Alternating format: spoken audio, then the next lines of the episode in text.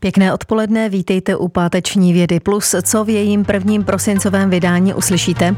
Jak zabránit rozvoji poporodní deprese, kterou v Česku prožívají tisíce žen a v čem se špatný psychický stav matek promítá i do vývoje dítěte? Grantová agentura České republiky podpoří od příštího roku více než 350 vědeckých projektů. V příštích třech letech na ně vynaloží téměř 3 miliardy korun. O jaké projekty půjde? A dnes je Světový den boje proti AIDS. Doposud si virus HIV na celém světě vyžádal více než 40 milionů obětí. Dvě třetiny nakažených žijí v Africe. Jak je na tom Česko? To jsou témata, která probereme v následujících minutách. Dobrý poslech přeje Renata Kropáčková. Věda plus.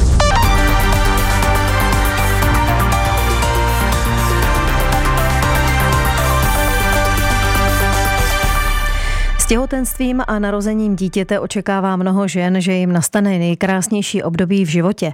Realita ale může některé překvapit. Kvůli hormonálním výkyvům přicházejí i stavy, kdy žena pociťuje nedostatek energie, má skleslou náladu, trpí nechutenstvím nebo nespavostí.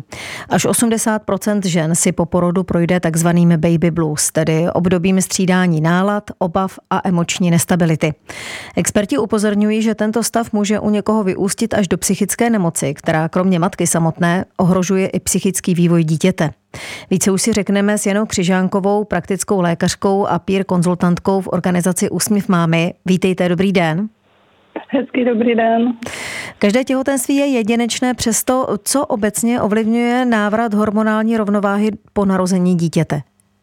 Tak za mě určitě zabezpečení základních životních potřeb, to znamená pocit bezpečí, bezpečné vztahy, lásky plné, kvalitní spánek, což je s malýma dětma velmi náročné dosáhnout a kvalitní strava, protože maminky na sebe velmi často zapomínají. Hmm. Já jsem tady zmiňovala ten termín baby blues. Jaký je rozdíl mezi ním a poporodní depresí? Tak baby blues je přirozená součást, jak kolisají hormony, jak jste řekla. Hlavně to trvá pouze první 14 dní, kdy se maminka zvyká na tu novou roli úzkosti a ty, to trápení se týká vlastně jenom miminka mateřské role, kdežto maminka, která už je úzkostná, a považovali bychom to za psychickou nemoc, má obavy naprosto ze všeho a ty její obavy můžou být až takové, že se bojí odejít z domu. Proti tomu třeba depresivní maminka už necítí dobrou náladu vůbec nikdy, zatímco maminka z Baby Blues aspoň jednou za tři dny si to mateřství užívá a je ráda, že to miminko má. Hmm. Maminka depresivní eh, si vůbec není jistá, jestli měla být matkou a bere to, že to její dítě vlastně strašně trpí, když má za maminku zrovna jí a strašně jí to trápí. Hmm. Věnuje se podle vás poporodní péče dostatečně i psychickému stavu rodiček, nebo je příliš úzce zaměřená jen na tu fyzickou stránku? Upřímná odpověď je zatím nedostatečně. Více svítá na lepší časy. Národní ústav duševního zdraví společně s úsměvem mámy už rozdělil pilotní nebo screeningový program minimálně v 20 porodnicích. Takže v 20 porodnicích například ve Zlínském kraji, ve Zlíně a v Kroměříži už se maminek někdo na psychiku ptá. Když bychom to srovnávali třeba se zahraničím, eh, tak v Portugalsku praktičtí lékaři společně s kontrolou maminek, eh, teda miminek kontrolují i maminky, ale tam je to dané tím, že mají rodinné lékaře. Ano v Česku takhle ty maminky té pozornosti poměrně dost utíkají. Mm. No co je potřeba sledovat právě u té novopečené maminky, eh, jaké jsou hlavní mm, symptomy poporodní deprese, ať už z pohledu jí samotné nebo právě jejího okolí? Hmm, tak určitě bychom měli sledovat, jak maminka spí. A pokud může spát, tak eh, pokud nespí vůbec, tak už je to velmi podezřelé. Pokud nějak dramaticky kolísá příjem potravy, eh, čili jestli maminka byla zvyklá hodně jíst a najednou nejí vůbec, a nebo pokud jedla minimálně, tak teďka pořád jí, nebo vůbec, když nemá chuť k jídlu. Jakmile se začne chovat velmi nestandardně. To znamená, maminka, která by měla bludy, halucinace, bude tvrdit, že mluví s anděli nebo s démony, tak tam už je podezření na nějakou psychózu a určitě by si to zařídit, uh, odbornou péči nebo maminka, která vlastně vůbec nechce žít a svěří se okolí, že přemýšlí, jak se zabije a ví, jak to udělá, hmm. tak to taky určitě potřebuje. A ošetření No a na koho se obrátit? A v takovéhle akutním případě, ať už jsou to psychotické příznaky nebo uh, takhle jako jasné sebevražedné myšlenky, tak buď, uh, buď psychiatrické oddělení nebo krizové centrum. Čiže takováhle maminka už nesmí zůstat sama. Že je nebezpečná pro sebe a psychotická maminka je nebezpečná i pro to dítě. Tam hmm. se bojíme rozšířené sebevraždy. Vedle své lékařské profese vy působíte také jako takzvaná peer konzultantka v organizaci Úsměv mámy. Jak a kde tahle dobrovolnická organizace funguje? Nyní už naštěstí fungujeme ve většině regionů, ve většině hlav, větších měst. Fungujeme na několika platformách, eh, na Facebooku, máme webové stránky, máme i peer konzultantky, což jsou maminky, které zažily nějaký nepříjemný poporodní nebo těhotenský psychický stav, obstály a jsou zároveň proškolené školením, které nachystali naše psycholožky a lékaři z Národního ústavu duševního zdraví. Potom už máme odbornou sekci, ve které máme eh, porodní asistentky, psycholožky, lékařky, lékaře různých odborností. Hmm. Takže už toho je docela dost. Ano. E, jak jsme zmínili, tak špatný psychický stav se matky se tady nesmí podceňovat, protože má dlouhodobě i negativní vliv na dítě. V čem? Už jenom prosím na závěr krátce poměrně dost závažný, protože uh, dítě ke svému rozvoji potřebuje bezpečnou vazbu, kterou mu psychicky nemocná maminka nemůže dát. Ona špatně čte jeho potřeby a tím zrůstá frustrace na obou stranách. Děti psychicky nemocných maminek jsou mnohem častěji nemocné, mnohem častěji trpí úrazy, mnohem častěji skončí třeba na urgentních příjmech nemocnic. Mají i taky dvakrát častější pravděpodobnost náhlého úmrtí. Hmm. V dalším životě potom mají poruchy chování, můžou být agresivnější nebo naopak velmi pasivní, můžou mít logopedické vady nebo potíže se vzděláváním. Oni ty následky nejsou jakoby negativní jenom na děti, ale v podstatě na celou společnost, protože ty psychické potíže se přenáší do další generace a děti psychicky nemocných maminek mají mnohem vyšší pravděpodobnost, že taky budou mít nějakou psychickou nemoc. Říká Jana Křižánková, praktická lékařka a pír konzultantka v organizaci Úsměv mámy. Děkuji moc krát za rozhovor. Taky Naslyšenou. Děkuji. Krásný den, naschle. Silice jako nové biocidy nátěrových hmot ve stavebnictví nebo nové vodivé hydrogely pro budoucí biomedicínské aplikace. I takové projekty podpoří nově grantová agentura České republiky. V příštích třech letech na ně připadnou téměř 3 miliardy korun. O projektech i jejich schvalování nám teď více řekne předseda grantové agentury Petr Baldrian, se kterým jsme ve spojení. Dobrý den. Dobrý den. Od příštího roku tedy agentura podpoří přes 330 standardních projektů. Co jsou to ty standardní projekty? Tak my, my těm projektům říkáme standardní, ale měly by spíš se jmenovat základní. Jsou to ty, eh, ty nejběžnější projekty, eh, které vlastně podporují specifické individuální myšlenky v české vědě, ty projekty, kterými se česká věda bude zabývat.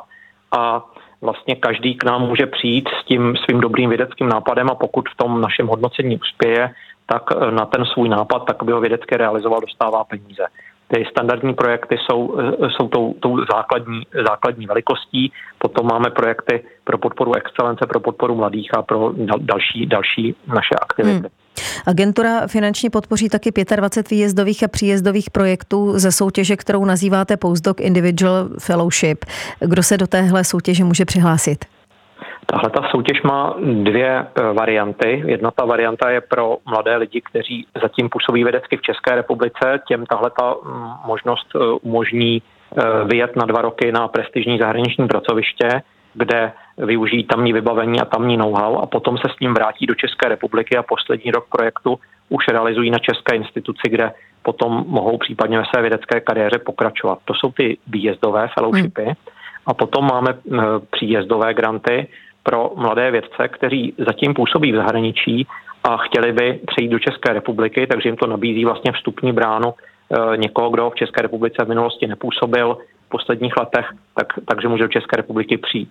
Když říkám, že přijde z ciziny, není to vždy cizinec, jsou to často lidé, kteří třeba v České republice vystudovali, potom se eh, na postdoktorském pobytu dva nebo tři roky věnovali eh, nějakém vědecké práci v zahraničí a teďka hledají, jak se vrátit zpátky do české vědy a jak se do ní dostat, tak i pro, pro ně jsou tyhle ty granty určeny.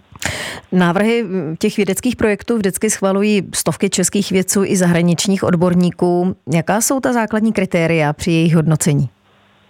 Eh, ta základní kritéria jsou vlastně dvě. Jedno z nich je, jak kvalitní je ta věda. To znamená, jak důležitá je ta otázka, která se tím projektem řeší a jak dobře je navržen ten, eh, ten postup řešení, který si ten eh, řešitel vymyslel.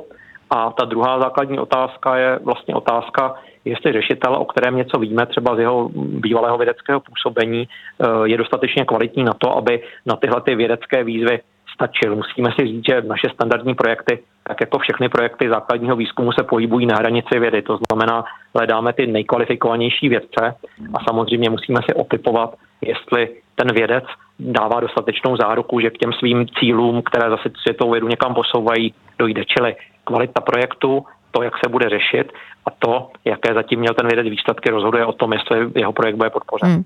Vy ale také od příštího roku podpoříte vznik 17 nových týmů začínajících vědců. Eh, v jakých oborech nebo na co se například zaměří? Už jenom prosím ve stručnosti.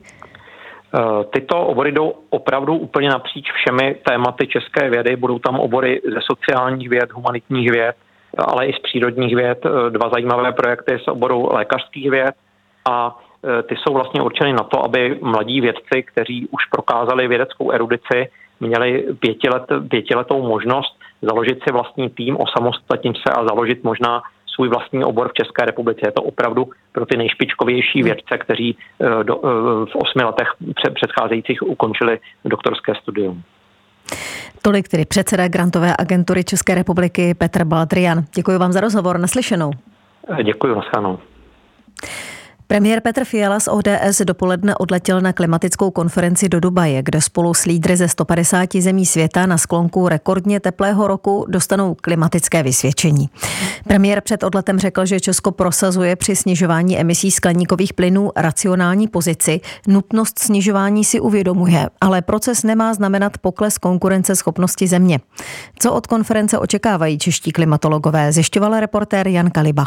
Jako klimatolog jsem přesvědčen o tom, že by se na kopu měli vyjednávači vrátit k situaci, že opravdu odstoupí svět od fosilních paliv a že budou zpřísňovány ty dobrovolné závazky jednotlivých zemí vyplývající z pařížské dohody. Přeje si Radim Tolaš, zástupce Česka v mezivládním panelu OSN pro klima. Ten letos dokončil vydávání tzv. šesté hodnotící zprávy světového klimatu. Jde o nejobsáhlejší schrnutí lidského poznání o člověkem způsobeném oteplování planety a jeho důsledcích. Obsahuje i modely dalšího vývoje. Kromě toho vyšly pod hlavičkou OSN další dílčí hodnotící zprávy, třeba zmíněná první globální inventura plnění klimatických závazků z Paříže 2015. A není to pěkné vysvědčení. Ty současné závazky, které členské země přijaly, by oteplení udržely, řekněme, mezi dvěma a půl až dvěma celými devíti stupni Celzia, což je výrazně nad tím cílem pařížské dohody. Vysvětluje další přední český klimatolog Miroslav Trnka z Ústavu globální změny Akademie věd. Upozorňuje také na to, že tento výhled je navíc možná příliš optimistický. Zdá se, že některé poslední studie, třeba kolegů ze Spojených států, ukazuje, že by vlastně klimatická citlivost na ty zvýšené emise mohla být vyšší a tím pádem jakoby to snížení emisí by muselo být ještě výraznější. A to je takové varování pro vlastně konferenci stran, aby neslevovali z těch cílů, protože je možné, že nebudou stačit. To by podle vědeckých modelů znamenalo výrazně extrémnější sucha, požáry či záplavy než v současnosti. S tím by se podle nové studie časopisu Lancet pojily dopady na zdraví čím dál více lidí, někde i hlad a podvýživa a vědecké modely předpokládají i více válečných konfliktů, migrace a varují před výrazně většími ekonomickými škodami, než jaké jsou náklady na rychlou zelenou transformaci. Ta je podle vědců potřeba, pokud chceme udržet oteplení planety v relativně bezpečných mezích, tedy v průměru co nejvíce pod dvěma stupni Celzia oproti předprůmyslové éře. Výhled změny klimatu na další desetiletí není vůbec optimistický a emise skleníkových plynů neustále stoupají, přestože se svět snaží s tím už dlouhá léta něco udělat, tak pořád se to nedaří. Mírně se zadařilo v posledním desetiletí ten růst zpomalit, ale to je, řekl bych, malý úspěch. Měli bychom ne zpomalit růst, ale začít klesat, pokud jde o emise skleníkových plynů a k tomu by měla směřovat závěry aktuálního i všech dalších kopů, které budou následovat. V tom se Radim Tolaš z Českého hydrometeorologického ústavu shodne s kolegy klimatology, včetně Miroslava Trnky. Ten říká, že konference jako je COP28, tedy snahu světa co nejvíc přiblížit politická řešení klimatické krize vědeckým doporučením, neprožívá nijak emotivně, ale pragmaticky. Protože na jedné straně my už mnoho let víme, jaké by mělo být omezení těch emisí. To se dá odvodit poměrně rychle a je to mezi vědci známo dvě, tři desetiletí. A je jasné i vědcům, že dosáhnout toho cíle nějakým společensky udržitelným způsobem je nesmírně problematické a to je právě to těžké břemeno politiků a řekněme společnosti. To, co je naší prorolí jako vědců, je říkat, jaká je ta současná situace, jaké jsou případné nové cesty. To znamená, kde hledat ještě další možnosti ukládání uhlíku, jak zpomalovat uvolňování skleníkových plynů, jako je oxid dusný nebo metan, jakým způsobem adaptovat ty systémy, aby dokázali přestát tu změnu klimatu, která je rychlá a je možná větší, než jsme čekali. Za dílčí úspěch mezinárodních klimatických vyjednávání se dá označit zpomalení nárůstu emisí skleníkových plynů ve světě oproti odhadům před přijetím pařížské dohody. Bez toho by svět mířil k oteplení ještě nebezpečnějšímu. Abychom zůstali v relativně bezpečné zóně, k tomu je ale podle vědeckých zpráv OSN potřeba, aby množství vypouštěných emisí co nejdřív kulminovalo a rychle klesalo. Už do roku 2030 o desítky procent rychleji, než co zaručují současné národní sliby a plány. Na právě zahájené konferenci COP28 to bude v energetice, zemědělství, ochraně lesů či oceánu a dalších odvětvích boj o každé další procento. Jan Kaliba, Český rozhlas. Posloucháte Vědu Plus. Půl hodinu o výzkumech, vynálezech a objevech, které mění lidem život. Najdete ji také na webu plus.rozhlas.cz, v aplikaci Můj rozhlas a v dalších podcastových aplikacích. Dnes 1. prosince si připomínáme Světový den boje proti AIDS. V Česku žije podle odhadu lékařů přibližně 4,5 tisíce HIV pozitivních lidí a jen za prvních 10 měsíců se podle dat státního zdravotního ústavu letos nově nakazilo přes 200 lidí. Z dlouhodobého pohledu ale stále patříme k zemím s nejnižším výskytem této infekce. Nejen o tom teď budeme mluvit s ředitelem České společnosti AIDS Pomoc Jiřím Pavlátem. Dobrý den. Dobrý den. Ví se, že infekce HIV se může dlouho rozvíjet bezpříznakově, takže je podstatné se nechat otestovat. Můžeme ale odhadnout, kolik lidí u nás o své HIV pozitivitě neví? Můžeme to odhadnout eh, díky modelům, eh, které používá státní zdravotní ústav a ten na základě toho, jak se infekce vyvíjí, tak odhaduje, že zhruba tisíc lidí eh, o své HIV pozitivitě nevědí. A právě tyto, tyto lidé, lidi potřebujeme diagnostikovat, odhalit, protože to jsou zrovna ti, kteří tu infekci ve společnosti nevědomky šíří. Hmm. Vy ale jako AIDS pomoc tedy už nabízíte služby právě těm, kteří o své HIV pozitivitě vědí? Uh, ano, my nabízíme služby jak pacientům, tak ale i široké veřejnosti, uh, která se chce otestovat. Co se týká pacientů, tak samozřejmě nabízíme eh, podporné sociální služby, ať už asilové bydlení nebo eh, terapeutické a právní služby. A co se týká běžné veřejnosti, tak eh, jsme jedna z největších organizací, která provádí anonymní bezplatné testování na HIV a ostatní infekce, a to na 11 pracovištích eh, v Česku a také ve čtyřech ambulancích. V uplynulém týdnu probíhal Evropský týden testování na HIV a žloutenku typu C. K němu jste se také připojili. Jak velký zájem byl o testování? Slyší lidi na tyhle preventivní akce? Eh, zájem byl takový tradiční, nicméně eh, ne zcela enormní. Různé organizace a úřady realizují informační kampaně, takže ten zájem se mírně zvýší. Hmm. Nicméně my jsme měli jednu větší akci před eh, hlavním nádražím v Praze, kde sponzor eh, zajistil vyhřívaný stan, kde eh, probíhalo celodenní testování. Tam jsme měli 360 zájemců o test a výsledky byly v celku zajímavé. Ano. Mm, je HIV infekce protestované, protože vy ve svých ordinacích eh, také testujete další sexuálně přenosné nákazy pořád tím největším strašákem? Uh, ano, dá se říct, že ano, je to, je to stigma z 90. let, které si ta infekce uh, nese sebou, protože tehdy ne, ne, neexistovala účinná léčba. Nicméně dnes ta léčba je velice úspěšná, lidé se nemusí na ten test bát jít. Tam je důležité opravdu včas tu infekci odhalit, protože tím, jak probíhá skrytě a bezpříznakově a je velice zákeřná, že ničí imunitu, obrany schopnost těla, tak eh, ta včasná diagnóza znamená, že včasná léčba zajistí eh, nulové virové nálože toho viru HIV v těle a tím pádem ten vir tomu tělu neškodí a ten člověk žije téměř normální život. A jak byste řekl, že dnes společnost vnímá HIV pozitivní lidi? Mění se na ně pohled? Eh, z mé desetileté zkušenosti jako ředitele tam vidím jen mírný posun. Stále řešíme problémy klientů, kterým je odmítána zdravotní péče, nejčastěji u stomatologů. Hmm. Jsou problémy s umístěním HIV eh, pozitivních sociálních službách, zvlášť kde potřebují nějakou denní péči. Eh, stále se setkáváme s tím, že, že některá, na některých pracovištích vznikají konflikty a potom jsou s nimi, eh, je s nimi rozdělen pracovní poměr, eh, lidé se jich bojí. Takže i když ta léčba je účinná, ti lidé nejsou infekční a naopak by se měli vlastně bát těch, kteří diagnostikováni nejsou a nevědí o té infekci, hmm. tak pacienti s touto infekcí bohužel nemají bezstarostný život. Říká ředitel České společnosti AIDS Pomoc Jiří Pavlát. Děkuji vám za rozhovor. Naslyšenou. Naslyšenou.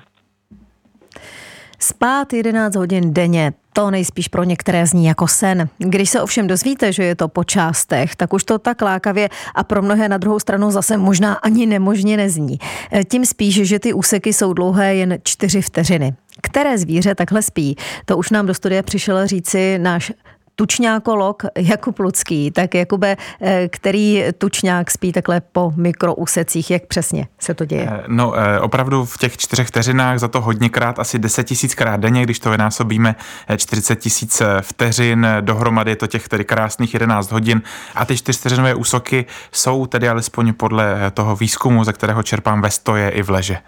To nemají tedy skutečně nějaký delší soustavný spánek? Ne, nezdá se to. Podle toho výzkumu publikovaného v časopise Science opravdu všechny ty spánky jsou takhle kraťonké v řádu vteřin. Ono to dává smysl, když se zamyslíme nad tím, jak tučňáci žijí, žijí ve velkých koloních někde eh, na skalnatém ostrově a tím cílem, proč tedy neusnout na díl, je ochrana před dravci, zejména tedy eh, v době, kdy mají mláďata, protože třeba chalouchy subantarktické, to jsou takový eh, velcí létaví ptáci, tak kradou tučňákům jak vejce, tak tak eh, mláďata. A některé ty spánky přece jenom prý jsou o kousek hlubší, ale nejsou delší, jsou pořád sekundové. Je to okolo poledne, protože to je nejvíc vidět a dravci tudíž eh, tolik neloví, protože nejsou tak nenápadní. Hmm. Takhle to zatím zní možná jenom jako zajímavost, ale má tehle objev i nějaký další vědecký přesah? Eh, no určitě má pro vědu, protože rozšiřuje hranice toho, jak spánek funguje a jak může fungovat, protože spánek má nějaké očistné mechanismy a pochopitelně Samozřejmě u lidí by to tak nefungovalo, ale u některých zvířat i právě i ty čtyři vteřiny eh, stačí, což nám naznačuje, že to funguje možná trochu jinak, než jsme si domnívali.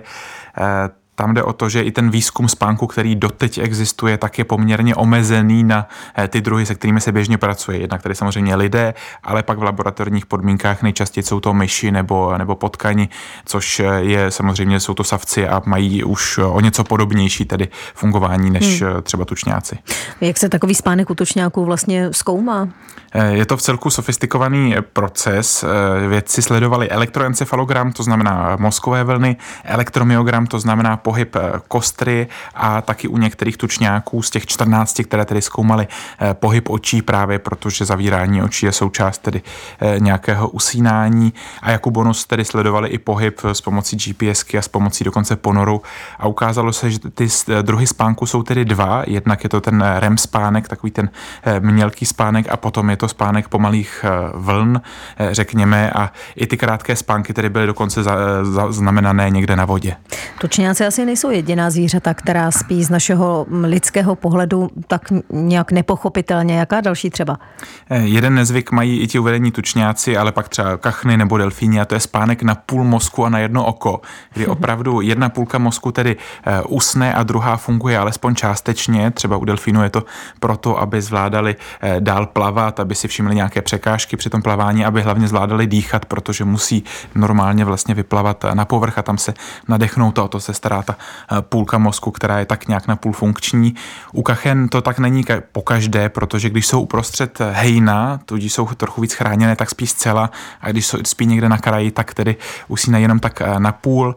No a některé druhy si ten spánek rozkládají, to už je možná lidem známější stěhovavý pták fregatka obecná, ten některé dny spí jenom jednu hodinu a další den pak třeba třináct.